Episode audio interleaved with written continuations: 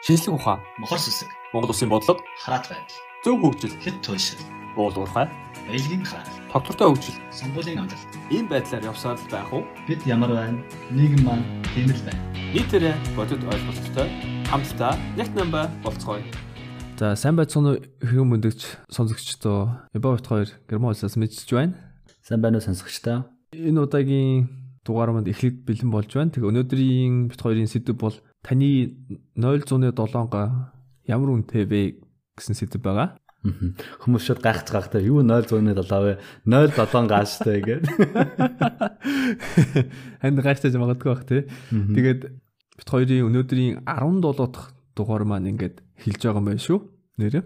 За тэгээд юуны өмнө өнөөдрийн нэвтрүүлгийн мэдлэг түгөө 1 2 3-аа танилцуулъя гэж бодлоо. За Тэгээд мэдлэг түгөө нэг маань Европын холбооны улсууд болон одоо энэ өндөр хөгжилтэй ихэнх орнуудад ямар ч хүн ямар ч гадаадын иргэн ямар аливаа нэг газрыг худалдаж авах, өмчлөх эрх байдаг гэдгийг хэлхийг хүссэн. мгм. За мэдлэг төгөө хоёр нь болохоор Монгол улсын газар зохион байгуулалт одоо газар зүйн мэдээллийн сан гэдэг их а, гоё юмтай болсон. Тэрүүгээр тэрний тусламжтайгаар одоо Улаанбаатарт байгаа эсвэл Монгол орнын даяар хаана ямар газар газар олгогдож байна уу ямар ямар зориултаар олгогдсон байна уу гэдгийг одоо бүрэн нээлттэйгээр одоо иргэн хүн болгон хянах боломжтой байж байгаа. За мэдлэг төгөө 3 нь болохоор олгогдсон одоо газрын иргэд иргэд бүгдээр одоо нийлж дэд бүтцээ одоо юу яах асуудлыг шийдэх боломж бол байна. Аа. Тэрүүгээр бит хоёр болохоор юу гэж хэлж байна гэхээр одоо хүмүүс бөөн бөөнөрөө нийлж дид бүтцээ шийд шийдэх боломж байгаа шүү гэсэн санаа тий. Аа. Тэ тэгэлдгүй яг одоо нэг нэгээрээ биш бүгдээрээ олуулаа нийлж шийдэх юм бол хамгийн оновчтой бөгөөд хямдхан асуудлыг айгүй зөвөр хурдан боломжтой хурдан шийдэх боломж байж байгаа. Тэнийг бид тэрс өнөөдөр цохон тэмдэглэмээр байна. Тийм шүү. За тэгвэл тэгээд хоёул юуны төрөнд 0.7 за 0.7 га газрын талаар ярих гэж байгаа юм чи ер нь үл хөдлөх хөрөнгө авах одоо энэ Европт ч юм уу бусад улс орнуудад хоёул мэдгээрэл энэ энэ хавцал хавцаа улснуудтайгаа харьцуулаад яри те. Тэгэхээр 0 0.7 га газар маань бол одоо газар гэдэг утгаараа газар маань үл хөдлөх хөрөнгөд ордог. Тэгэхээр эргээд яагаад энэ энэ хавьд болж байгаа эсвэл үл хөдлөх хөрөнгөний тухай ярих гэж байна гэхээр газар маань өөрөө үл хөдлөхтэй ордог байгаа. Тэгэхээр үл хөдлөх хөрөнгийг одоо худалдаж авах, арилжах, өвлүүлэх ч гэдэг юм уу те ингээд маш олон хууль юуны хүрээнд одоо Европт бол одоо хичнээн 100 жилийн турш бүр мянган жилийн турш ингээд газрыг хуваагаад англиад ингээд тэрийг зардаг одоо удирддаг ийм үйл ажиллагаанд явж ирсэн. Тэгэхээр бол шин зүйл биш маш их олон олон зуун жилийн хугацаанд бол ийм зүйл явж ирсэн байгаа маа. Тэгэхээр маш олон улсууд бол бас янз бүрийн хуультай байна. Тэгэхээр нэг ямар төрийн системтэй гэдгээс хамаарат өөр өөр хуультай байгаа. А гэхдээ бол бүхэл улсуудад энэ үл хөдлөх хөрөнгийг одоо худалдан авах нь бол хүн болгоны эрх. Тэнд оршин сууж байгаа одоо удаан хугацаанд оршин сууж байгаа бүх хүн бол тухайн улсад бол га- газар буюу үл хөдлөх хөрөнгийг байшин одоо худалдаж авах бүрэн эрхтэй байдаг байгаа. А бүр зарим улсууд одоо Европын холбооны улсууд дотор жишээлх юм бол бүр тэнд амьдэрдэггүй байсан ч одоо үл хөдлөх хөрөнгийг худалдаж авч одоо өөрийн эд хөрөнгийг бий болгож өмчлөх тэр боломж бас олддог байгаа. А өөр улсуудад бол их хвчлэн заавал тэнд оршин суудаг байх хэрэгтэй гэдэг шаардлагыг тавьдаг юм байлаа. Аа. Оршин суудаг байна гэдэг нь болохоор тэр тухайн улсын иргэн байна гэсэн үг биш шүү дээ. Зүгээр л удаан хугацаанд оршин суудаг тийм эрхтэй хүн байна гэсэн үг. Мгм. Тийм гадаад хүн шүү дээ тий. Энэ бол ямар ч гадаад хүн энэ энэ хавийн улс орнуудад ингээ газар худалдаж аваад өмчлөөд тэндээ амьдрах боломжтой байгаа тий. Тэр нь болохоор бас сүүлийн үед асуудал болоод байгаа. Тэр нь юу вэ гэхээр одоо жишээ нь том том хотуудад хоосон байшингууд ингээ байгаад байдаг. Өндөр люксус зэрэг зэрэглээ баригдсан. Тэгээд зарим ард иргэд нь болохоор байшингаа худалдаж авч чадахгүй яг бол хитрхээ үнэтэй учраас эсвэл хотын захад авах боломжтой. Асуудал нь болохоор 2 цаг ажил руугаа явдаг ч юм уу тий. Тийм учраас эсвэл зарим тохиолдолд бүр гоё байрууд олдохгүй ч юм уу хөвчнөлээ ингээ их асуудал үүсэж байгаа. Тэгээд тэрнийг яг хуу тухайн үед жишээ болгож хэлэхэд 2018 онд Берлиний Берлин хотын Bürgermeister гэсэн чинь Хотын дарга. хотын дарга аларч хотын дарга нь нэг тийм хууль санаачлах ч гэжтэй тийм санаачлалаа гэд хэлсэн байсан. Нэгсэндээ гадаад хүмүүсийг энд амьдрдүүл юм бол манай хотод манай усад ямар нэгэн газар ямар нэгэн байшин худалдаж авах эрхийг хязгаарлая гэдэг гэж санал тавьсан байлээ. Аа. Тэгээд тэр нь болохоор Шинэ Зеландийн жишээг л дагахыг хүссэн юм санагдсан. Аа. Асуудал нь болохоор Шинэ Зеланд чинь ер нь бол амар үнэтэй газар юм шүү. Га- Үнэтэй газар. Хотууд хотуудад нь ахaltaа айг бол тий. тий нэг том том хотууд нь тэгээд баг өөрсдийнх нь иргэдэн хүртэл байр олж чадахгүй асуудалтай байдаг. Тэгээд ер нь болохоор баг дэлхийд дэлхийд даяар хүмүүс мэддэг гэд бичсэн байсан. Би Энэ нөгөө нэг гадаадын хүмүүс юу яадаг гэсэн штэ одоо нэг хадгаламж гэдэгтэй адилхан одоо өөрийнхөө олсон хураасан мөнгийг одоо найдвартай зүйлд одоо ингэж хөрөнгө оруулдаг. Тэр хөрөнгө оруулалтын нь одоо нэг хэлбэр нь одоо энэ том хотуудын хотын төвд одоо юм байшин газар авч одоо хөрөнгө оруулдаг тий. Тэгэхээр тэднэрт бол шууд тэрийг зарах нь юм уу эсвэл амьдрах нь бол гол зорилго нь биш. Ерөөсөө худалдаж аваад нөгөө нэг тий buy and hold гэдэг ингээд худалдаж аваад ингээд байгаад аваад Байлгах Тийм тий. учраас нөө хоосон байсан ч тэднэрт нэг амар алдагдaltaй биш. Яг тэгэхээр тэр нөгөө нэг үнэ алдахгүй учраас гэдэг санаагаар. Харин тийм шүү. Тэгэхээр одоо арабын баячууд ч юм уу хятадын баячууд, Оросын баячууд ч одоо шиг юм бол Лондонд одоо Лондонгийн хотын төвийн маш олон байшингуудыг ингээд одоо худалдаад авсан байдаг гэж байгаа шүү дээ. Харин тийм. Хөрөнгө оруулалт тэгээд худалдаад авсан. Тэрс амьдрах гад тэнийг нь хөслөх гэдэг зорилго биш. Ерөөсөө ингээд үл хөдлөх хөрөнгө тий.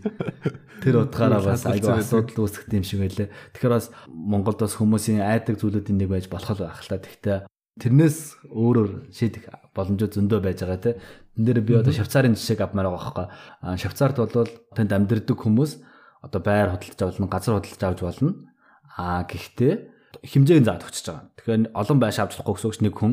Тэгэхээр нэг хүн газрын хувьд бол 1000 м квадрат газар худалдаж авч болно гэсэн үг. Тэр 1000 м квадрат газар гэдэг чинь 0.1 га гэсэн үг байхгүй юу? 0.1. Тий 0.1 га гэсэн үг тий.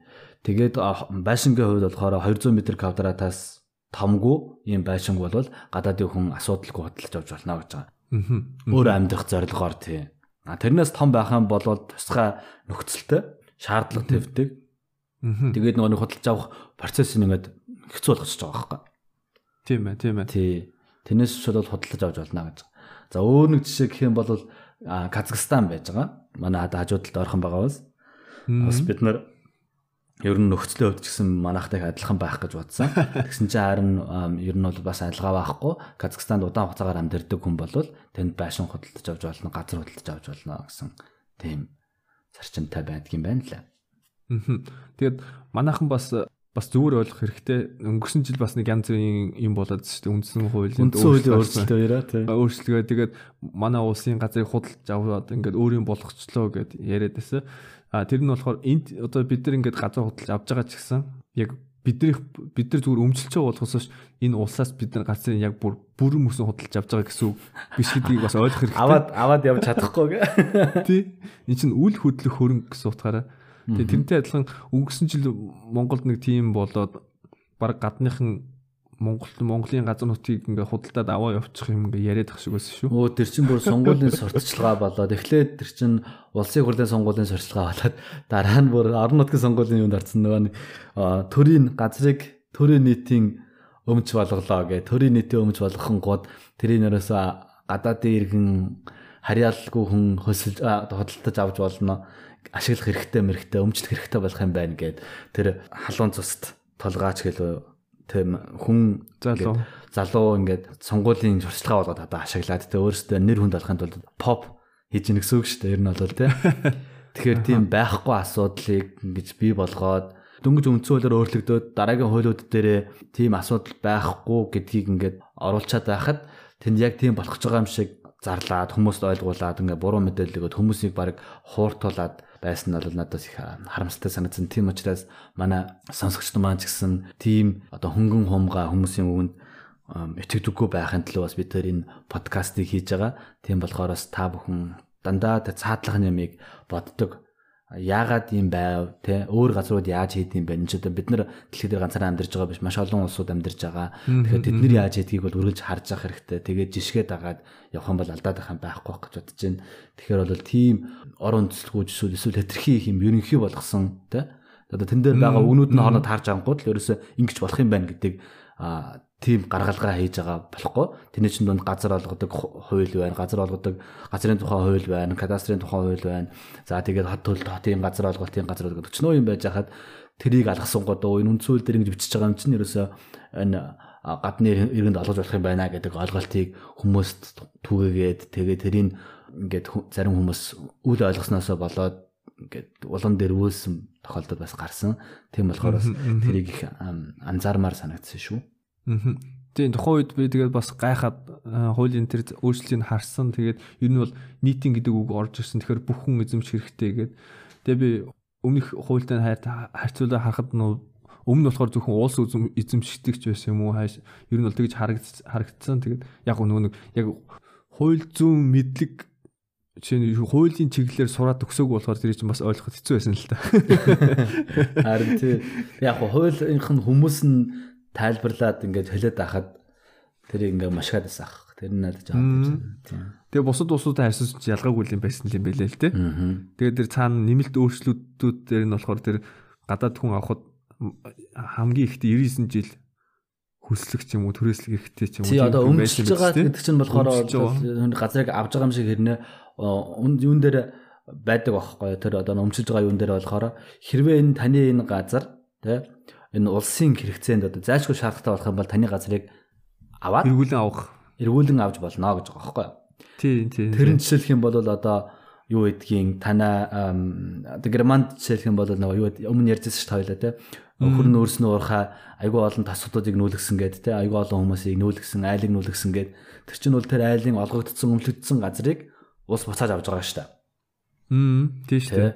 Тэгэхээр бол өмнө одоо өгцөн те танд ингээ өгцөн байсан ч гэсэн за тантай эндээ чи хэмжих газрыг би өөр газар өгье та эндээс нүүнүүл гэдэг тийм зарчим тавьж байгаа шүү дээ. Тэр нь болохоор улс олон нийтийн эрх ашигын төлөө одоо олон нийтийн эрх ашигын төлөө тэг таны газар зарцуулагдаж авах юм бол таны газрыг улс буцааж авч болно гэж байгаа байхгүй. Тэрнээс зүгээр харж харж яснаа мэ бичний газрыг авнаа гэж бол хэлэхгүй. Зөвхөн үнэхээр таны энэ газрыг чинь одоо ашиглахаас өөр арга мэдэр байхгүй байна. Олон нийтийн эрх ашигын төлөө таны газрыг ашигламаар байна гэдэг тийм зарчмыг тавиад ингээд газрыг нь бол бас бацаад авч болдог байгаа.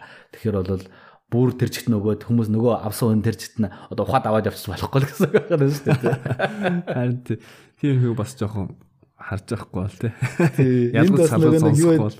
Тий, энд бас нөгөө нэг ашиг наалмлын уул орхон хуулийн дээр нь бас байдаг тий. Санаж байна чи. Нөгөө энгийн ашиг наалмлыг одоо нөгөө газрын эзэн олборлох хэрэгтэй байдаг талаар мэдхэ. Аа ер нь бол бүр ашиг бодлоо бүр ангилсан байдаг үстэй. Ямар ямар материалыг хэн олборлох хэрэгтэй, хэн авах хэрэгтэй ч үлээ. Тий. Тэгэхээр тэр газрыг одоо өмчсөн хүн бол тэрний доор байгаа одоо хайрах ч гэдэм үү, элс ч гэдэм үү, тий цемент шохож гэдэм үү, тиймэрхүү энгийн ашигт малтмлыг болвол тэр хүн өөрөө тухайн хүн өөрөө олборлох хэрэгтэй байдаг. Мэдээж хэрэг шууд хаад унахгүй шүү дээ бас тий. Мэдээж хэрэг зөвшөөрөл авна. Тэгэхээр бас бид нар буруу болгож болохгүй гэнэ шүү дээ. Тэгээд тэр үнэцгсэн. Тэгээд цаанаас нь болох юм уу болохгүй юм гэдэг зөвшөөрлөд дандаа авдаг байгаа. Тэгэхээр бол альва аймаг өмчлөлчлөө эсвэл эзэмшүүлчлээ гэд нөгөө хүнийг болчихж байгаа гэсэн үг ерөөсөө биш. Аа. Тийм шүү. Окей. За тэгвэл одоо хоёул газар олголтоос байшин барих талаар хальт яриа тий. Одоо ингээд ингээд газар газар ингээд олгож гин авж гин гэд. Тэгээд 2000 хэдэн оноос юм бэ? 0.7 га ингээд иргэдэд тарааж эхэлсэн шүү дээ. Тий. Одоо тэр шинэ газрын тухай шинжлэгдээд одоо хүмүүст өөрсдийн хэрэгцээний 0.7 га газрыг ингээд өмчилж авах эрхтэй. Үнгүү үнгүү авах эрхийг өгсөн шүү дээ. Нэг удаа үнгүү авах эрхтэй тий. Аа. Тэр нь болохоор хэдэн хувьтай гэлээ? 20 гэлөө тий? Одоогийн байдлаар? Одоогийн байдлаар тий 20% та гэхээр Монголын хүн амын 20% нь л тэр 0.7 га газраа альбом болгож авсан байна гэсэн. Бусд хүмүүс яагаад аваагүй вэ? Тэрнээс өмнө би бас 0.7 га газар гэж хэр том газар юм бэ гэдгийг бас тодруулмаар байгаа юм л да. Тэгэхээр 0.7 га газар маань бол 700 м квадрат гэсэн. Ойролцоогоор хашаагаа ингээд татах юм бол 35 м 20 м-ийн харьцаатай тим хашаа барьж олно гэсэн үг байна шүү дээ. Мгм. 20-ыг үржих нь 35 метрийн Тий. ойролцоогоор. Тий, ойролцоогоор тийм байшин барихаар тийм газар байгаа байхгүй. За тэгээ би бас бодлоо л да. Би бас одоо тэр га- газар аваагүй хүний тоонд дарж байгаа. Харин нэг тийм болоод байгаа. 80% байгаа. Би ч гэсэн орцсон байгаа байхгүй тэр чинь нөгөө Өгнөд үнгүү өгж байгаа газрыг авахгүй тэгээ байж байгаа. Тий. Гэхдээ тэр чинь юу юм биш үү? Жишээ нь үнгүү өглөө гэхэд Улаанбаатарт боломжгүй байсан биш үү? Хүн болгон хүн болгон газар авахгүй юм уу? Боломжгүй биш юм а. Тэр чинь болохоор ингээд хүн ингээд 0.7 га газар авъя гэхээр нөө шууд одоо ингээд дуртай газар одоо зайсанд ч юм ингээд авч болохгүй байна шүү дээ. Тэгэхээр цаанаас нь улсаас ингээд одоо ийм газруудад тэр алгалт хийнэ гэд ингээд дандаа газрууд гаргадаг. Тэн дээр нь хүмүүс хүсэлт гаргаж газар авах боломжтой байгаа. Тэгэхээр мэдээж хэрэг ямар асуудал тулгарсан байх би бодлоор хүмүүс дургуудаа аваагүй байх гэж бодож байна. Аваагүй биш байх гэж бодож байна. Яг тэгэхээр газараа ингээд за энд ингээд газар олгоно гэж тэгэн штэ тэгээ тухайн үед. Тэг тухайн үед нөгөө газар дандаа нөгөө хүн амьдрдаггүй хотын гадаа одоо нөгөө бүр л хотын гадаа байна гэсэн үг штэ. Тийм байна. Энэ тог цахилгаан байхгүй, зам харгуу байхгүй, ус юуны шугам байхгүй, цахилгаан байхгүй. Ингээд ирэхээр хүмүүс нөгөө сонирхол нь муудчихж байгаа байхгүй. Тэр бас нөлөөлсөн байж магадгүй гэж бодож байна. Аа надад бас сонирхолтой түүх тохиолдсон болохоор би ингээд одоо хамт сурч байсан оюутнуудтайгаа ингээд ярьж байгаа шүү дээ тий. Мм. Монголд ингээд хуулаараа одоо Монгол улсын иргэн бүр ингээд 0.7 га газар боёо 700 м квадрат газрыг улсаасаа ингээд өнгөө авах хэрэгтэй байдаг. Гэтэл чи нөгөөдөө чи бүгдээрээ шууд бүгд ангаагаад тэгээ чи авсан уу гэдгсэн чи би аваагүй байгаа гэсэн чи тэгээ аваач юм гэдэг юм байдаг. Ямар солиотой юм бэ? Харин тий тэгэхээр бид нар нөгөө үнгүү авж байгаа гэдэг ойлголтоороо ч юм уу нөгөө үн цэнийг нь одоо мэдрэхгүй байгаа байхгүй. Тэгэхээр энд амьдарч байгаа хүмүүс 700 м квадрат газар гэдэг чинь одоо бол бараг л мөрөөдөл нь байхгүй юу. Тэгээд Ер нь бол нийлээ хүмүүс жоох ингэ юу болох гээд ойлгомжтой болгохын тулд дүнгийн үнийг би харлаа л да энд ямар газар ямар үнэтэй байдгийн талаар Жишээ болгоод. Тий. Тэгэхээр бидний 0 0.7 га газар буюу одоо энэ 700 м квадрат газар маань Германы дундаж хамгийн бага үнээр бодох юм бол 100 сая төгрөгийн үнэтэй. 100 сая төгрөг. Тий. Зүгээр газар шүү дээ. Хамгийн бага тий? тийм Германд байгаа газрын үнэлгээний хамгийн бага үнэлгээгээр харин одоо Германы нийслэл Берлин хотын одоо дундаж дундаж одоо газрын үнэлгээ шүү дээ одоо метр квадратын үнэн нь үнээр нь тооцох юм бол 0.7 га газар маань 700 сая төгрөгийн үнэтэй. Одоо Тэр чинь 200 зүгээр л 200 мянган евро боёо 700 сая төгрөгийн үнэтэй байгаа байхгүй юу? Тэгэхээр бид нэр тийм үнэтэй бэлэг унсаас авч гинэ гэсэн санаа байгаа байхгүй. Ер нь бол тий. Тэр чинь бас л тэгээ зөвхөн газар нь шүү дээ. Зөвхөн газар нь л одоогор ийм үнэтэй.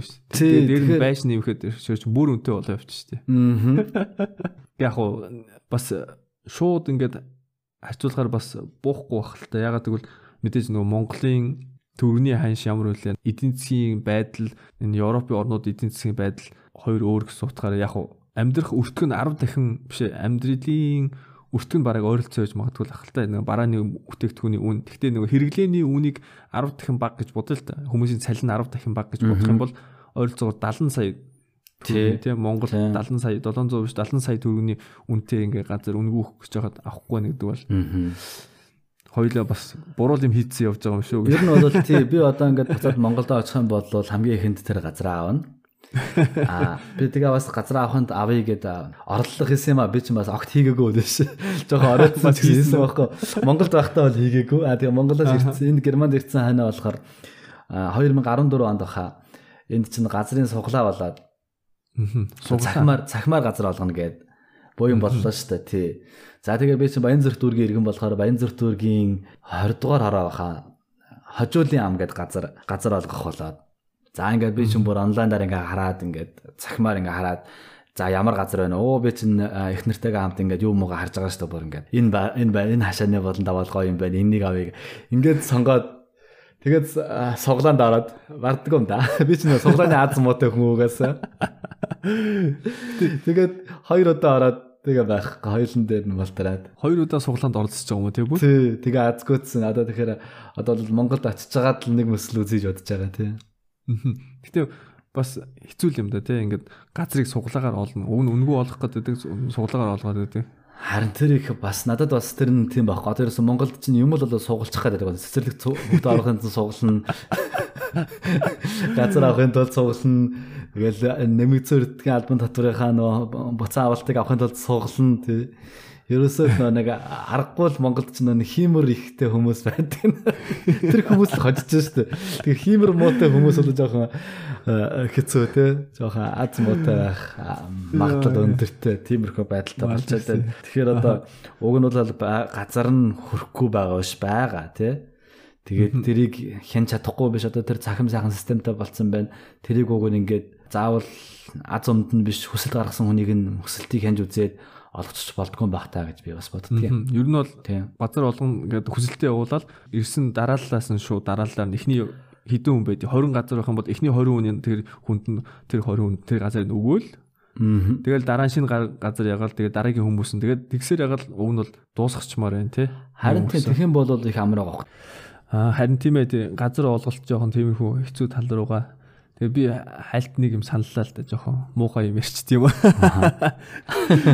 Дээр нөгөө Монголд байхдаа оюутлага дадлага хийжээсэн. Тэгээд мэдээж тийм дадлага хийхдээ ерөнхийдөө төлөвлөлтийн инженер тэгээд нөгөө мэрэгжлийн холбогдлолтой хүмүүстэй бас хамт ажиллаж байгаа юм л да. Нөгөө дээр гэхээр чинь ерөнхийдөө кадастр, газрын албатай холбоотой, хэмжилзүүтэй холбоотой болчихж байгаа шүү дээ.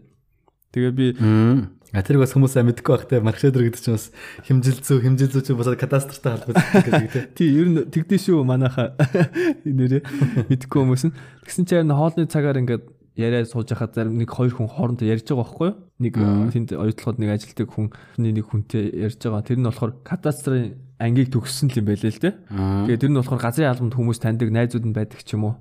Тэр хүн болохоор өөр газартай бас өөрөө хамтан амьдрахчтай ч юм уу их нэртэй эсвэл нөхөртөө би энэ эрэгтэй эмэгтэйг нь хэлэхгүй ярьчихэд ингээд нэг газар авах гэсэн юм аа. Би хайлт гайхаас энэ ягаад энэ шаардлага байгаа юм бэ аа тэгээ дараа нь зархад амар штэ мөнгө болдог байхгүй гэгээд ерөнхийдөө тийм чиг хандлагатай юм ярьсан байхгүй. Тэгээ би тэгж зүгээр би хайлт сонсож байгаа юм хүмүүс ярьж байгааг сонсож байгаа штэ гэсэн чи харин оо байгаа байгаа. Тэгээд хэлий би чамд яригээд тэгэхээр нэгсэндөө харин тийм тэгэхээр яг нэгсэндөө нэг танил талаараа зүгээр л нэгэндээ газар зараад байгаа ч юм шиг.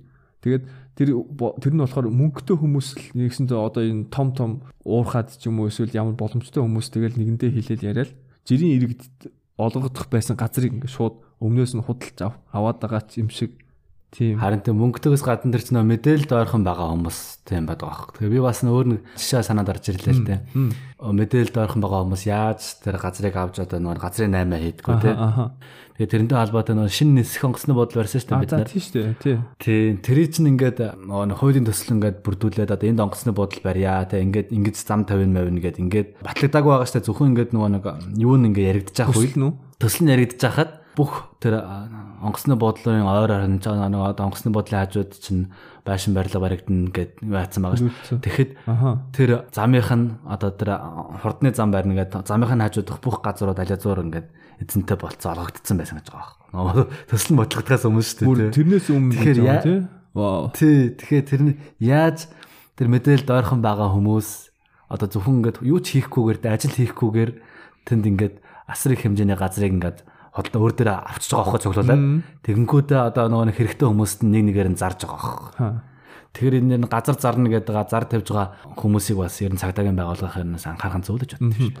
Ер нь бол тэгээд нэг хүн дээр газрын цензор үүсчмээр байгаа байхгүй тийм. Ер нь бол Тэгээ нэг хүн дээр Тэгэхээр миний түрүүний ярьсан нэг хүн олон газар эзэмсэж байгаа юм бол харин тийм эзэмсэж байгаагаас нь татвар авах хэвээр тэрийг ингэж борлуулж байгаа юм бол бас татвар авч явах хэвээр. Ингэснээр нөгөө хүнээс газар авах нь юу биш болчих واخхой ашигтай биш болчих واخхой тэгэхээр хүмүүс улсаасаа газар авна гэсэн үг байна. Тийм байна тийм байна. Тэгэхээр тэрийг бас ингэх юм бол татвараал зогсоох хэрэгтэй гэж бодож байна. Чи түрүү юу гэсэн? Нарийн би харин яадах чинь тэмчгчлээ хэлгчлээ. Аа зөв зөв. Окей. Хязгаарлаад хэрвээ нэг хүний нэр дээр олон газар байх юм бол тэрийг шалгах хэрэгтэй л дээ тий. Ягаад ингэж гинт ийм болчихоо. Чи мэдээж улсын бүрт тэр одоо кадастрын юуны бүртгэл ямар газар гэлээ? Газар зохион байгуулалт геодэ зөрчсөн газар. Тийм энэ дээр одоо мэдээлэл нь байгаа байлгүй дээ. Тий. Тэрийг шалгаад шалгаад хараад явуучвал тий. Тэгэхгүй бол одоо тий мань мэд шиг одоо газраа авч чадаагүй байгаа хүмүүс. Яа болж байна. Ингээд бизнес болохгүй л уг нь ажиллах гоё байгаа. За тэгээд бас алязур биднээс өмнө хүмүүс анхаарал эхэлсэн байх лээс найдаж байна тий. Тэгээд ард иргэд маань жоохон өөрсдөө Тийм тэрэн дээр илүү Анхаарах хэрэгтэй байх шүү. Ахтар байхгүй бол ахтар болоо. Аа окей. Нөгөө Улаанбаалын хэлдэг шиг бас нөгөө нэг Лодогийн хэлдэг шүү. тий лодогийн хэлдэг шиг Юу лээ? юу гэдэг лээ. Оо Манайхан хэрцгийл гэж орж байгаа. хэрсүү, хэрсүү гэсэн ш нэр. Хэрсүү аа хэрсүү байцгаа. Тий хэрсүү иргэд байцгааж бас ингэж хүмүүст шаардлага тавьж та Мм. тэгж ажиллах сайхан л байна. Тийм шүү нэр. Тэгээ би бас өөр нэг харддаг зүйл нь болохоор энэ газар олголтыг ийм одоо нэг төвхтэй одоо нэг энгийн иргэнд ингээд газар авъя гэж одоо орлого хийсэн ах би бол хүн болгол нэг орлого ах гэж бодчих. Чи орлого ер нь хийжсэн үү? Аа харамсалтай би ерөөс орлого хийгээгүй. Окей. За чамаас бус нь орлого хийсэн байх гэд найдсан. Тэгээ хамгийн гол нь юу байхгүй. мгм. Би тэнд ба- байхгүй байгаа учраас одоо очоогүй маш удсан учраас нөгөө нэг тийм санаа орж ирэхгүй гэх юм уу? Одоо тийм бодол орж ирэхгүй байгаа байхгүй. Яг гэвэл тэнд нь одоо хугацаагаар амьдрахгүй байгаа учраас Аха. тэгсэн болоо гэж би ер нь өөрийгөө зөвтгөх юм да. Миний хардлага болохоор хүн маш олон хүмүүс одоо би бол тэр 80% нь те 80% нь ингээ газар авахгүй байгаа нь а магадгүй тэрний чинь нэг дахиад нэг 10 20% нь бол угаасаа нөгөө бүр мал малдаг хүмүүс бол газар өмчлөх гэдэг дайраад байхгүй шүү дээ те. Тэгэхээр бусд хүмүүснүүд нь нэг дахиад үлдсэн нэг 60% за болын 50% нь бол газар аваагүй байна. Тэр нь болохоор миний бодлоор салхуудаа ч юм уу эсвэл одоо анхааралгүй болгоомжгүй үгүүдээ биш а тэрийг ингээ газар авахт нь айгуу тийм төвөгтэй байдлыг үүсгэсэн. За тэр хүмүүс нэг газар авахгүй одоо тэрнийг ингээ төөцөлдөхгүй байх. А юу Хүсэл сонирхтын алгуулгын гэсэн ингээд албаар байхгүй болгож байгаа байхгүй тий. Нөгөө нэг системээр нь тий тэр чиг нь нь. хөгжилтэй шүү дээ. Хүн ингээд өөрийнхөө иргэндээ үнэлхийг барьчаад тий тэрийн албаны байгууллагаар очиод за энэ би байна миний үнэлэх нь байна гэсэн чинь наадхаага натратар баталгаажлаад Канадад аваад ир гэдэг шүү. Аюултай байлаа тий.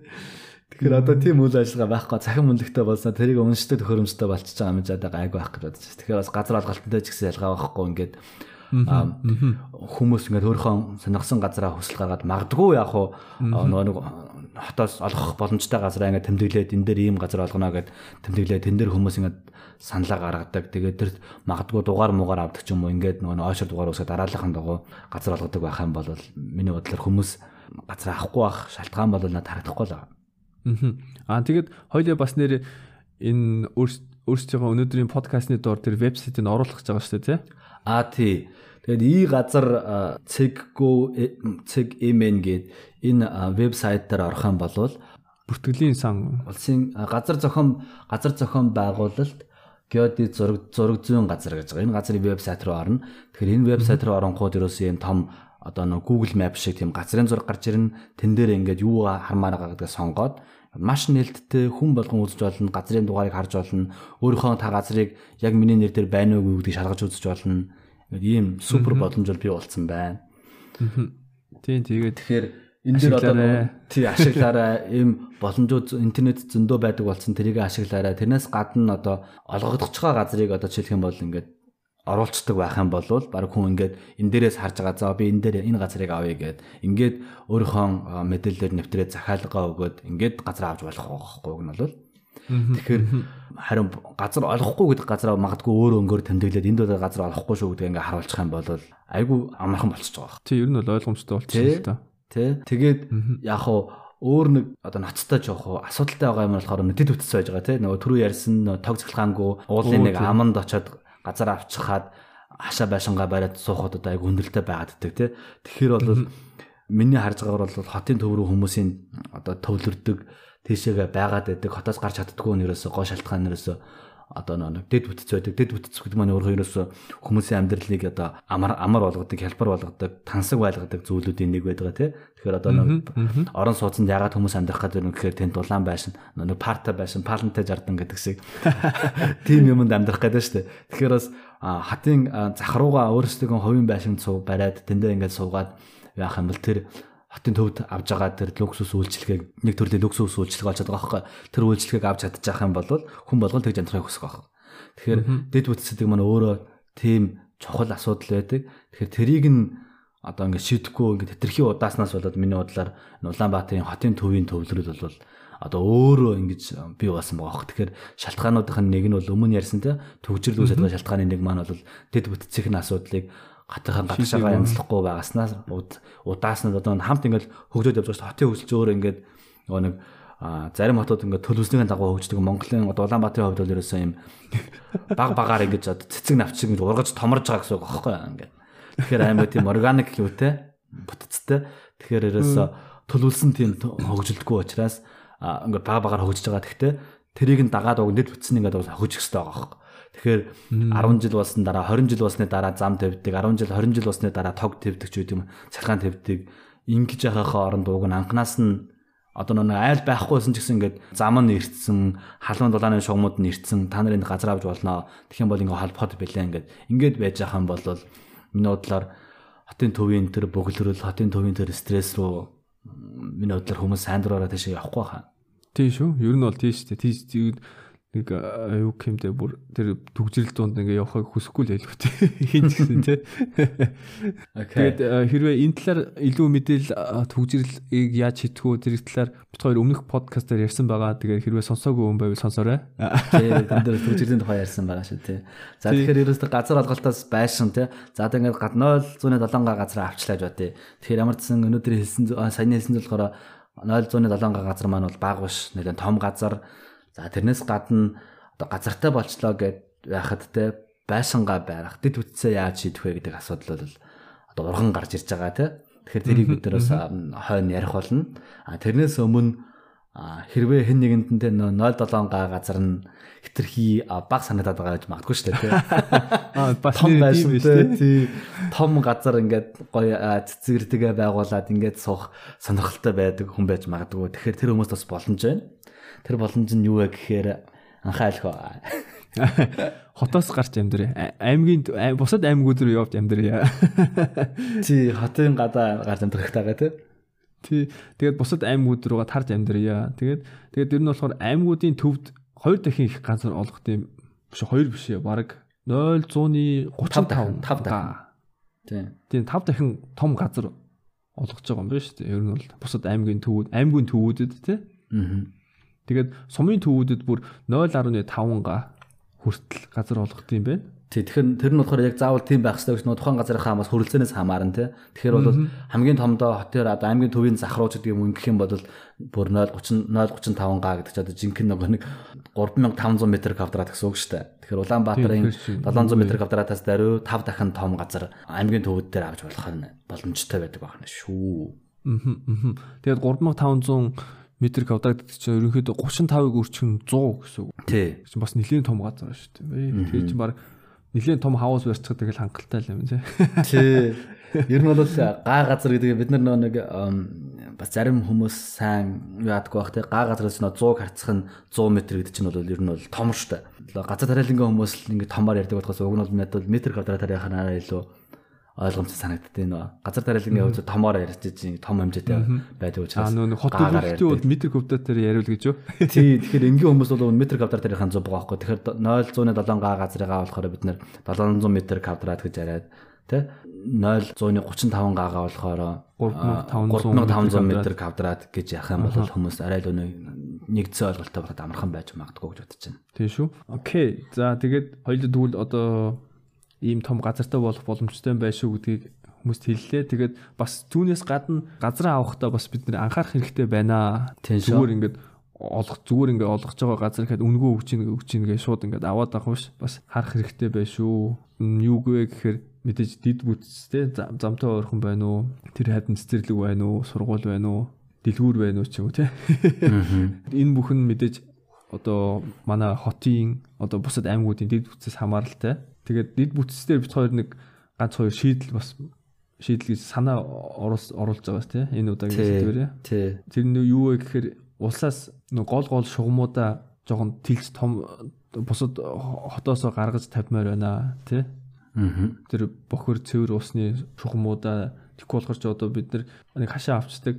Энэ болохоор бас би ингэж хараад байгаа юм л да. Одоо дээр үед чинь монголчууд чинь зүгээр газар аваад гэрээ барьцдаг байсан шүү дээ. Тий. Гэрээ бариад амьдчдаг. Яг тэр нэг 10 хэдвэр 120 одоо хэдвэр 120 20 дугаар зуунаас өмнөх үе шиг л байгаад юм шиг гол газар болгоод байгаа юм шиг санагдсан. Зүгээр л ингээл нэг газар за энд очиод гэрээ тавиад гэрэ бариад амьдр гэж хэлж байгаа юм шиг. Вард бүр цаг тэг шаардаад байгаа шүү дээ тий. Тийм сонин тэгсэн тэг гítэл одоо жишээ нь одоо одоо бидний мэддэг өндөр хөгжилтэй орнууд аль эдийн өөрсдөө өөрсдөө ч гэж яг мөнгөний мэдээж газрынх нь үнд нь урсан байгаа л та.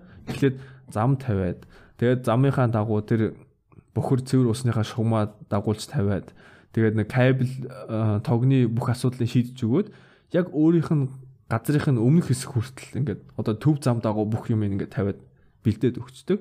Тэгээд дараа нь төрөл бүрийн үйл ажиллагаа тэр кадастрын холбогдлолтой тэр байшингийн өндөр наам бүх юм ингээд бүх юм шийд ерөнхийд нь ерөнхий заагур өгөөд ингээд газрын зарж байгаа байхгүй тий.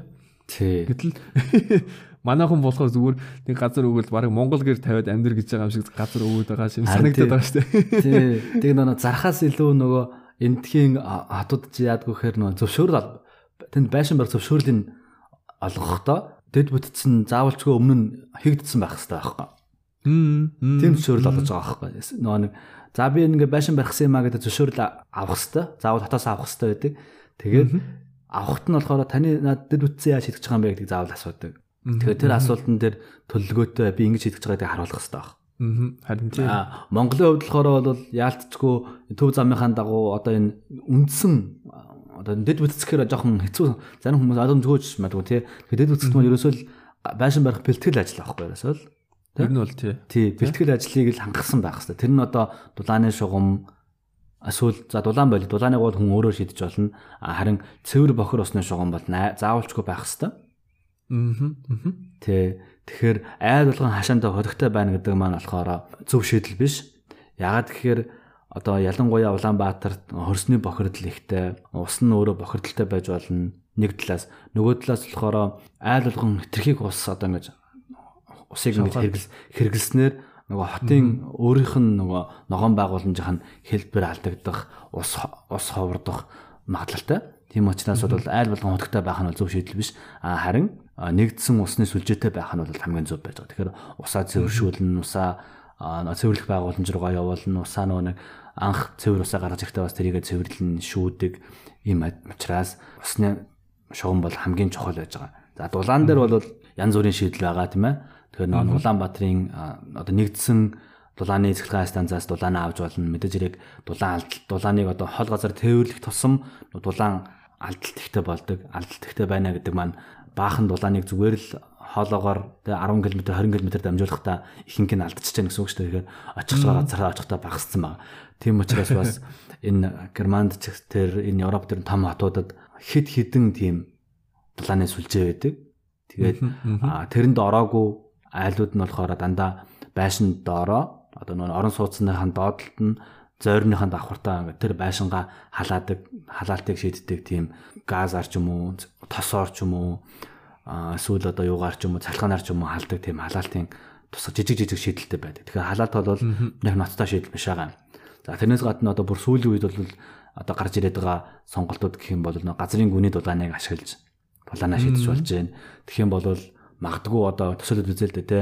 Одоо гачуурт ч юм уу баян зүрх төргийн баруун дэшээ ингээ нэлээд улаан бадрын төвөөс холдсон ойр хавьд ямарч дулааны цэцлэг танц байхгүй байх юм бол тэд нэр дундаа нэг тийм газрын гүний дулааны цооног өрөмдөө тэрнийхээ дулааныг тэр хавийнхаа хороолдоо ингэж одноо юу гэдэг 10 мянган айл ч юм уу 1500 айл ингээ ашиглах боломжтой болчихж байгаа юм. Гэх мэтчлэн ийм бас нөгөө нэг шууд нөгөө нэг төвийн дулаан биш өөр тэм дэд дулаанаа байж болно. Эсвэл тэр тухайн газараа нэг жижигхэн станц байгуул болно шүү дээ. Тэр дулаан зөвхөн дулаан үйлдвэрлэдэг. Аа. Тий. Тэр нь заавал нүүрснэх байх хэвээр мүү үгүй мүү сайн мэдэхгүй. Тэгэхээр бол янз бүр өөрөө байл байж болно тий. Тэгэхээр бол дулааны шийдэл бол асуудал биш гол нь цэвэр бохор ус байж байгаа. Тэгээд мэдээж хэрэг цахилгаан. За тэгээд интернетийн шугам байх нь бас чухал ах гэж бодож байна. Тэгэхээр иймэрхүү дэд бүтцийн асуудлыг бол нэг айл шийдэхэд хэцүү. Тэгэхээр надад сүүлийн үед анзаардаг юм болохоор хүмүүс ингээд хамтарч ажиллах хэвээр тэг ганцаараа ажиллах гэдэг байгаа бас нас болоод айгүй хүнд олон асуудал талгуурладаг. Тэгэхээр танд тэр ирж байгаа тэр асуудал чинь тантай адилхан тэнд газар авсан бүх хүмүүст байгаа гэж ойлгох хэрэгтэй байна. Мм тий шүү. Тий. Тэгэхээр тэр хүмүүстэй ярилцах, нийлж агаад ямар асуудлыг хөдлөж болохоор байна уу, ямар асуудлыг зогсуулж болохоор байна уу гэдгээ мэдэх хэрэгтэй тий. Тэгэхээр бол нийлж хөдлөх нь бол хамгийн оновчтой гэдгийг бид тэр одоо бас өнөөдрийнхөө нэвтрүүлгээр бас уриалж байгаа. Мгм. Миний нөгөө нэг бас нэг ингэж талгаадаа бодож авдаг болохоор ингээд ийм гой хороол үүсгээд хотын гадна те ийм гой хороол үүсгээд олуулаа ингээд юу гэдэг нэг 10 бол 20 ч юм уу ингээд бүр магадгүй 200 гуулаа ч юм уу ингээд ийм гой хүүхдэд болон тэнд амьдарч байгаа хүмүүстэй гой тийм ээлтэй тийм уур амьсгалыг бүрдүүлс хотхон те нэг жижигхэн ийм цуслан шиг газар байгуулад тэндээ ингээд амьдрах юм бол айгүй гоё юм байна да гэж боддог байхгүй юу? Тийм шүү нэрээ. Тэгээ тэрнийхээ нөгөө нэг магадгүй одоо бохир усаа жишээлх юм бол заавал хотын төрөө болохгүйгээр бохир усаа юу гэдэг тэндээ шийдэж болно шүү дээ жижигхэн цэвэрлэх байгууламж байгуулдаг ч юм уу те тэр хавьтай хол байх юм бол тэгэхээр бол цэвэрлэх байгууламж одоо бид нар бас нэг одоо юу шүү дээ асуудал байна дээ бид нар өөрсдийнхөө бааз шээснээс ичдэг те тэрний өөрсдөөсөө гарч байгаа хог хаягдлаасаа одоо ичдэг. Тэр ханууданд нь харагдахгүй байх юм бол бүх юм окей гэж бодоод байдаг те тэр чинь үгүй байхгүй. Ингээл хүн болгон хог гаргаад хайдаг те тэгэл хайчаад одоо жалганд хайцдаг тэгэл алга болцдог ингээл окей ингээ байхгүй л бодоод те өөрийгөө өөрийгөө хураад байгаа ш тэр чинь те ингээл адилхан танаас танаас гарч байгаа баашээс нэг бол тань угсан жорлонгийн хүнд одоо шингэж байгаа нэг бол цэвэрлэх байгууламж руу явж байгаа. Тэгэхээр тэрнийг бол ярихгүй байх нь бол тэрийг шийдчихлээ гэсэн үг биш байгаа шүү дээ тэгэхээр бол би энэ тал дээр бас айгу а, юу гэж боддог? Нэг энэ талаар ярих хэвээр энийг хийх хэвээр гэж боддог баг. Би одоо ингээд миний нэг хобби юм да. Сателлитаар Google Map-аар аялдаг чамд ярьж байгаа юм те Тийм тийм өмнөх хоёлаа ярьсан тий. Тэгээд би а, сүүлийн үед ингээ гоё хотууд ч юм уу ингээ одоо Монголд ч ингээ Улаанбаатар ингээ аймгийн төвүүд ингээ гоё болоолгаа гэлгаа штэ тий.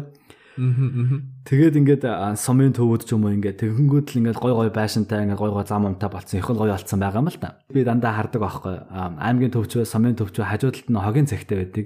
Тэр хогийн цэг нь ер нь баг дор хаяж тэр газар нутгийн сумынхаа одоо тэр сумын төв ч юм уу байшин байгаа газрынхаа 3-ны 1 ба зарим гадаа бүр талын хэмжээтэй тийм газрыг хогоор ингээд овоолцсон байгаа хөх зүгээр ингээд. Хогоо ингээд нэг уул ороогоол юм уу овоод аваалаа жаргана гэж хасгацсан тэр нь ингээд хичнээн жил хайдсан юм чинь мэдээж хэрэг байгууллагад 50 60 жилийн байгаа тэмдэглэсэн наадам хийсэн газар байгаа шүү дээ. Тэгэхээр тэр хогоо ингээд уул даваад хайцгаа бол биднээс харагдахгүй тэгээд бид нар гэртээ гой суугаад байна гэж алгаад байгаа тэгэхээр тэр чинь одоо зөвхөн би биш те бүх хүмүүс харж байгаа. Тэгэхээр бид нар тэгж өөрсдөө хуурмааргүй байна одоо аймгийн төвийн аймгийн төвийн гой гой машин унаад давхиад байдаг дарга нар маань бас тэрийг бас хармаар байна. Очоод нэг үзэл дээ яа те яах вэ гэд. Тэгэд чинь зөндөө олон шийдэл байгаа. Хүн тэрийг хараад за энэ үнэхээр асуудал юм байна гэдгийг таних юм бол шийдэл нь амар ойрхон байгаа дээ Тэгэхээр хогны асуудал, цэвэр бохрийнхаа асуудлыг бол бид нэр ярихгүй зүгээр л ярихгүй байгаадгаа шийдэгдчихнэ гэж бол боддог бол их буруу байгаа. Тэгэхээр бид ярих хэвээр яах вэ гэдгийг ярих хэвээр. Мгм. Тийм шүү. Тэгээд тэрнээс гадна бас бид нар ард иргэдэнд бас өөрсдөө шаардлага тавих хэрэгтэй шүү дээ тий. Тий шаардлагатай байхгүй тий. Энийг одоо янзлын шийдий энийг шийдээд өгөөч гэж бид нар өөрсдөө бас хөдөлгөхгүй л бол нэг хүн бидний төлөө бүх юм хийж чадахгүй. Тий. Бас ойлгох хэрэгтэй. Одоо бид нараас гарч байгаа хог хаягдл чинь буцаад бидний эрүүл мэндэд сөргөөр нөлөөлнө. Өмнө нь болохоор бид нараас гарч байгаа хог хаягдл гэж нэг шалдаггүй байсан. Нөгөө нэг юу гэдэг мах идсэн бол махны яс. Аа.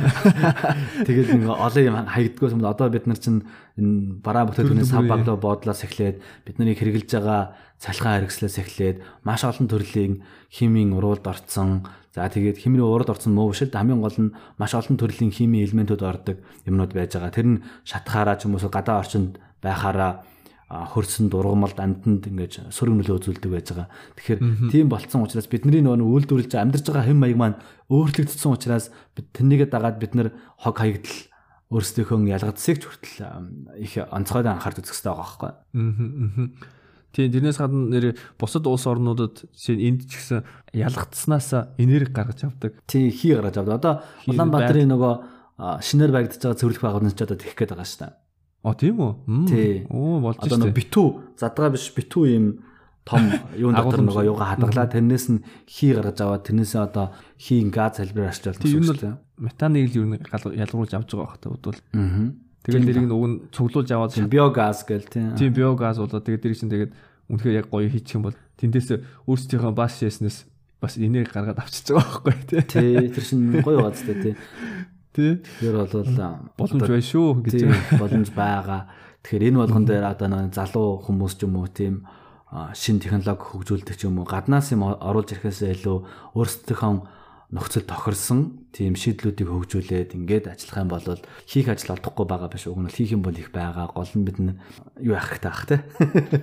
Тэр болгоныг барьж аваад тий. Эхлээд проблем гэдгийг л одоо энэ асуудал байна гэдгийг таних амар чухал байгаа байхгүй энэ үнэхээр асуудал юм байна. Одоо миний нэг дараагийн хэлэх гэдэг юм болохоор оршуулгын газар байдаг аахгүй жишээлх юм бол тэрний талаар бас магадгүй дараагийн дугаарууд дээр ярина. Оршуулгын газрууд бас Монголын хувьд үнэхээр асуудал болцсон. Тэрийг бид надад одоо асуудал гэж харах хэвээр зөвхөн хин нэг нас орчхаар аваач тавьж харахтаа яа энэ тест хэцүү байна даа гэчээл тэгэл 7 өдрийн дараа мартчихдаг юм байж болохгүй бид нар. А одоо нүүдэлчдийн соёл иргэншилтээс одоо суурьшлийн соёл иргэншилт шилжсэн бол суурьшмал соёл иргэншилт байдаг зан үйл арга хэмжээнүүдийг бид нар авах хэрэгтэй. Тэгэхгүй гоёг нь авчаад мухаг нь үлдээч нэг юусоо байхгүй. Тийм учраас бид нар тэр тухай ярих хэрэгтэй болох байх гэж бодож байна. Тий, тий. Тэгэхээр одоо нэг хот маань ингээд өөрөө томроод хотын гадаа байсан оршуулгын газар ч одоо жишээ нь хотын дотор ороод ирцэн. Хотын гадаа байсан хогийн зэг чинь хот дотороо ороод ирцэн. Ийм асуудал үүсэж байна шүү дээ. Тэгэхээр бол манай Улаанбаатар хотын хөгжлөл ерөөс ийм урдчилсан төлөвлөсөн том төлөвлөгөө байхгүй учраас ингээд томроод явж байгаа. Тэгэхээр бас энэ нэг ард иргэдийнх нь чөлөө цэцгэлгээтэй бас хамаатай холбоотой байх л да тий. Хаана буухаа эхэлж асуухгүй эхлээ буучаад дараа нь тэ юу илээ гэж боддог тий. Тэгэхээр бол бас амар бас нэр тэр нөө төлөвлөл саад болсныг зүйл нь нэг хэсэг аймагуудаас маш олон хүмүүс нүүж ирээд шууд уулын бэлдээр буугаал зөвшөөрлгөө буугаал буугаал буугаал тэгээ тэрийг ингэж дид үтсэд холбох гэхээр хэцүү. Тэгэхээр заавал нэг хэсэг айлуудыг буулгах хэрэг гарч байгаа юм шүү тий. Яг тий. Наа чин бас яг асуудал аахгүй. Тэрнтэй тэр үед нь анханаас арга хэмжээ аваагүй, арга хэмжээ аваагүй мүү, яагаад аваагүй мэдэхгүй. Эсвэл анзаараагүй орхисон. Тухайн үед нь болох болохгүйг нь хэлээгүй, боломж гэж хэлээгүй, болохгүй гэж хэлээгүй орхисон. Тэгээ тэрнээс болоод тийм юм үүссэн. Ямар хүмүүст нөлөөд тэр зайсан байсан гэдэг тийшээ болоотой ингээд олон жил амьдарсан болохоор таны газрыг өөрт чинь одоо ингээд олгоно гэд. Нөгөө нэг гүн далай нөгөө нэг чадахгүй бол цацганууд минь зайлцгаа мэлцгаа гэдэг тэр газрын асуудал бах. Тэр тэгэхээр тэр газрууд чинь хүн таанд олон жил амьдарсан учраас таны газрыг олголоо гэдэг тийм сигнал өгч байгаа байхгүй. Тэгэнгүүт зөвхөн болгон окей энд ингээд байгаад байх юм бол энэ миний газар болчих юм байна гэдэг ойлголттой болчихж байгаа байхгүй. Тэгэхээр чин тэр хүмүүс юуг нүүх үү тийм биз дээ. Ер нь бол тэгэж штэ. Хэрвээ тэгээд юм бол хинч нүүхийг хүсэхгүй штэ. Байж байгаа л тэр газрыг өөрийн болгохыг хүсэхгүй л дээ. Тэгэхээр одоо тийм буруу үлгэр дуурайд үзүүлээд ахаар чин хүмүүсийн нөгөө нэг хуйлаа дагах одоо тэр ухамсар нь уламл дороод багасж байгаа байхгүй тийм. Нэг попотын ачаар. Тий, тэгэл ингээл сонгуулийн амлалт болгоод нэг хорооны газрыг за энэ танай хороо чинь өгнөл зөвшөөрлөгөө бай. За энэ чинь бид нар одоо энэ асуудлыг чинь би шийдэж өгнө гэж төгөнгүүд тэр хорооны иргэн пүф гэж шууд бүгдээрээ тэр үнд санал өгнө шүү дээ. Тэгэхээр иймэрхүү сонин хууль зөрчсөн хууль сахиулах хэвээр хүмүүс хууль батлуулах хэвээр хүмүүс өөрсдөө тийм хууль зөрчсөн алхам хийснээс болоод хэн нэгэн таалагдахын тулд тийм алхам хийгээд тэр нь буцаад өөр замраагүй байдал үүсгээд олон нийтийн эрх ашигт сөргөөрнөлөд байгаа байхгүй. Тийм шүү. Гэр хорооллын дид бүтцийг шийдэх талаар бит хоёр бас өмнөх подкастаар ярьсан байгаа хэрвээ сонирхож байгаа бол сонсоорой. Сонсоорой гэдэг. Тий. За тэгэхээр энэ дэд бүтцийн асуудлаас гадна одоо байшингаа барих тухай яриаг байгаа та байлаа. Аа. Одоо тэгээд байшин байрна гэхээр манайхан одоо бол гайгүй болсон бол анх анх бол жоохон буруу ойлголттой байсан юм санагдчих. Нэг юм босгочихл юм бол хамаагүй. Нэг юм босгоод аваад тэгээд болоо гэдэг. Тийм тэгээд анхнаасаа төлөвлөөгүй ч байсан юм уу эсвэл зүгээр ингээл босгочихсон тэгээд нөгөө нэг дараа нь тэгээд үйл болохоо даарад гинтээ маш их хэмжээний цахилгаан хэрэглээд нүүрс түлээд. Тэгэхээр бас яг нэг яг надад анзаардж байгаа нэг эхнийг хоёр зүйл байгаа. Эхнийх нь болохоор хүмүүс нэг үе бодвол бас бүгдээрээ орон сууцсан дандаа хотын төвдөл амьдрал гоё гэж боддог. А тэгж хошуурдаг байсан жоохон аажим аажмаар багасч байгаа юм санагдсан. Тэр нь юу харагдж байна гэхээр Facebook дээр энэ хашаандаа сайхан амьдрийгээд групп байдаг те тэр бүр 280 мянган гишүүнтэй Тэн дээр бүр ингээд амар олон хүмүүс яаж хашаандаа гоё амьдрах вэ гэдэг тийм ямиг ярьж идэг. Бүр айгүй амьд групп байхгүй тэр групп чинь. Аха. Тэгээ бүр зураг мураг оруулаад шийдэл мэдлэг оруулсан байсан. Тий, хүмүүс би одоо ингэж хашаагаа барьлаа, би байшингаа ингэж барьлаа гэд. Тэнгүүд одоо бид нар суралцж штэ. Өмнө нь болохоор ингээд нөө нэг өмнө гэрт амьдарч байсан хүмүүс чинь байшин барихад ямар ч одоо нөө юугүй торчлоггүй байгаа шүү дээ тий. Тэгэхээр байшин л бол ерөөсө дөрвөлжин цагаалын байх юм бол байшин гэж ойлгодог байсан болвол тэр маань бол одоо үгүй маа гэдгийг одоо эхний эхний үеийнхэн буюу генерацийнхэн буюу одоо ойлгоод байна шүү дээ. Тэгэхээр нэг удаа байшин бариад амар хөтөн байшин бариад эсвэл одоо нэг байшин бариад тэр нь айгүй хурдан яаж яагаад унцдаг тийм байшин бариулсан хүмүүс бол Одоо бол дараагийнхын байшинг бол анж агаад араа өөрөөр бариулж байгаа байхгүй. Илүү туршлагатай болсон. Тийм илүү туршлагатай болсон. Тэгэхээр бол нөгөө нэг Монгол гэрээч гэсэн ингээд муу барих юм бол одоо буруу материал ашиг барих юм бол бороо гоождаг, өвөл хүүтэн байдаг тийм ээ. Ингээд бид нар бол сайн мэдэн штэ. Яаж Монгол гэрээг гоё хаяга манах те ингээд тавилгууд юугаа бүрээсээ давхарлах махарлах гэдэг ангуу сайн мэддэг байхгүй. Тэгэхээр байшин барих чинь бас яг адилхан тим их нарийн ухаан ордог. Тэгэхээр тэр болгон дээр бол хүмүүсээс харсан гол туршлагч амжааг байх санагдаад байгаа. Тэр яг манай эхнэр бас энэ чиглэлээр ажилладаг болохоор би бас нэлээх юм асуудаг. Тэгэхээр бол ер нь бол энэ байршингийн барьж байгаа материал их чухал. Тэгэхээр ямар материалаар барьж байгаагаас хамаарат одоо дулаалга гэсэн үг шүү дээ тий. Тэр маань байшингийн тусгаарлалт буюу одоо дулаан дулаанд гадаа хөтөн байхад дотор дулаан байхад гадаа халуун байхад дотор сөрөөхөн байх энэ нөхцөлийг барьж байгаа материал маань бүрдүүлдэг байгаа. Тэгэхээр барьж байгаа материал маань зөвхөн ханны материал биш тий. Цонх, хаалга, таад, шал гэд бүгдээрээ орно. Тэгэхээр энэ болгон дээр бол маш сайн нарийн анхаарах хэрэгтэй. Зөвхөн цонх гээл цонхоо ингээл үнтэй цонх хийчээд хан муу бол ханаараас ийгээд ханаахан болонгоос ийгээд гэдэг юм уу те. Тэгэхээр байшин барина гэдэг нь өөрөө айгу цогц зүйд байж байгаа. Тэгэхээр энэ дээр бол зөвхөн мэрэгжлийн хүмүүсээр зөвлөгөө авч одоо би төрийг биш би төрч мэрэгжлийн хүмүүс биш шүү дээ. Тэгэхээр би тэрээс сонсдог шүү гэсэн. Тэгэхээр мэрэгжлийн барилга барьдаг хүмүүсээр хэлэх хэрэгтэй. Тэрнээс хин нэгэн би чадна гэсэн хүнээр бол хэлэх нь бол буруу. Та бол хайрын мөнгөө салхинд хийсгэж байгаа л гэсэн үг. Тийм учраас тэрэн дээр бас маш сайн анхаарахаарай гэж захимаар байна. Тийм шүү. Окей. За тэгээд бит хоёрын өнөөдрийн подкаст маань одоо ингээд баг дуусчихэнд байна ихэд дуусч байна. Төрөн дээр нэг нэмж хэлмээр юм байгаа бас Монгол энергийн шийдлийг буюу тасалхааны шийдлийг нарны энергиэр хийж болох боломж бас байгаад байгаа шүү дээ. Монголч одоо олон өдөр нартай байдаг. Тэрнээс гадна бас сүүлийн үед энэ пассив хаус буюу одоо энэ дулаан халууны тусгаарлалт сайтай тийм байшингийн төрөл бас нэлээд орж ирж байгаа юм байлаа. Хүмүүс бас танилцуулаад эхэлсэн байлаа. Тэгэхээр бас тиймэрхүү шийдлүүд бас гарч ирэх бах. Тэгэхээр бол энэ чиглэл рүү бол маш их ажил хийгдэж байна. Хүмүүс бас маш их зүйл сурцсан байгаа. Өмнө нэг зөвхөн 100 л амьдэрдэг өвөл хэтэрхий хүүтэн байдаг те баашин барьчихаар тэгдэг байсан болол а тэр бол Монгол хүүтэндээ биш Монгол амир хүүтэндээ биш тэр гол нь барилгынхаа материал болон одоо энэ ханныхаа материал цонх хаалга буруу сонгосноос болдог байсан байх гэж би боддог. Тэгэхээр бол байшингийнхаа тэр материалыг сайхан зөв сонгох юм бол байшин бол халуун дулааныг бол ажрахгүй давах тийм боломжтой зүйл байж байгаа. Аа. Тийм шүү. За тэгээд хоёр өнөөдөр нэлээ хид хідэн газрын холбогдлолтой бас түүнээс үүдэлтэй дид бүтэц байшин гэсэн шийдлийн санаа өгсөн байгаа. Тэгээд тэрийг хоёлаа нэг нэг нь хальт дурдтуу. За тэгээ. За тэгэхээр бол хотын цэвэр бохор осны сүлжээг одоо хотын захруу бол нэн даруй одоо ойрт болох хотын захруу сайн түгэж өгөх хэрэгтэй байна. Тэгснэр хүмүүс байшингийнхаа цэвэр бохирынхаа сүлжээг бол холбох боломж бүрдэх байгаа. Аа. Тэгээд тэр нь юу вэ гэхээр хэрвээ бит хоёрыг ингээд ямар нэг намын гишүүн сонсч ивэл энэ асуудлаар дид бүтцтэй шийдэх асуудлыг мөрийн хөтөлбөртөө оруулаад өгөөч ээ. Тэгэх юм бол иргэд чинь чамайг одоо таныг сонгоно шүү. Тэгэхээр бол ааха. Тэгэхээр нэг бол нөгөө нэг шаардах те. Дээд захиргааны тэр нь бол улсын хурлын гишүүнээс шаардах нь бол уг нь чих зүг бичлэн байгаа юм л да. Энэ чинь уг нь хариуцсан хороо хорин хотынхон захир загсаргаанд бас баян шаардчих хэрэгтэй байхгүй. Тэгжээс тэд нэрээр хийлгүүлэх хэрэгтэй юм байгаа. Уг нь бол улсын хурлын гишүүн хийгч ажил шүү дээ те.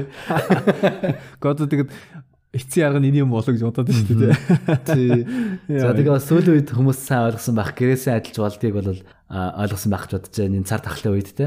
Тэгэхээр гэрээсээ ажиллахад бол үндсэн шаардлагууд маань бол мэдээж хэрэг цахилгаан. Тэгээд хоёрдугаарт маань интернет хэрэгтэй байж байгаа.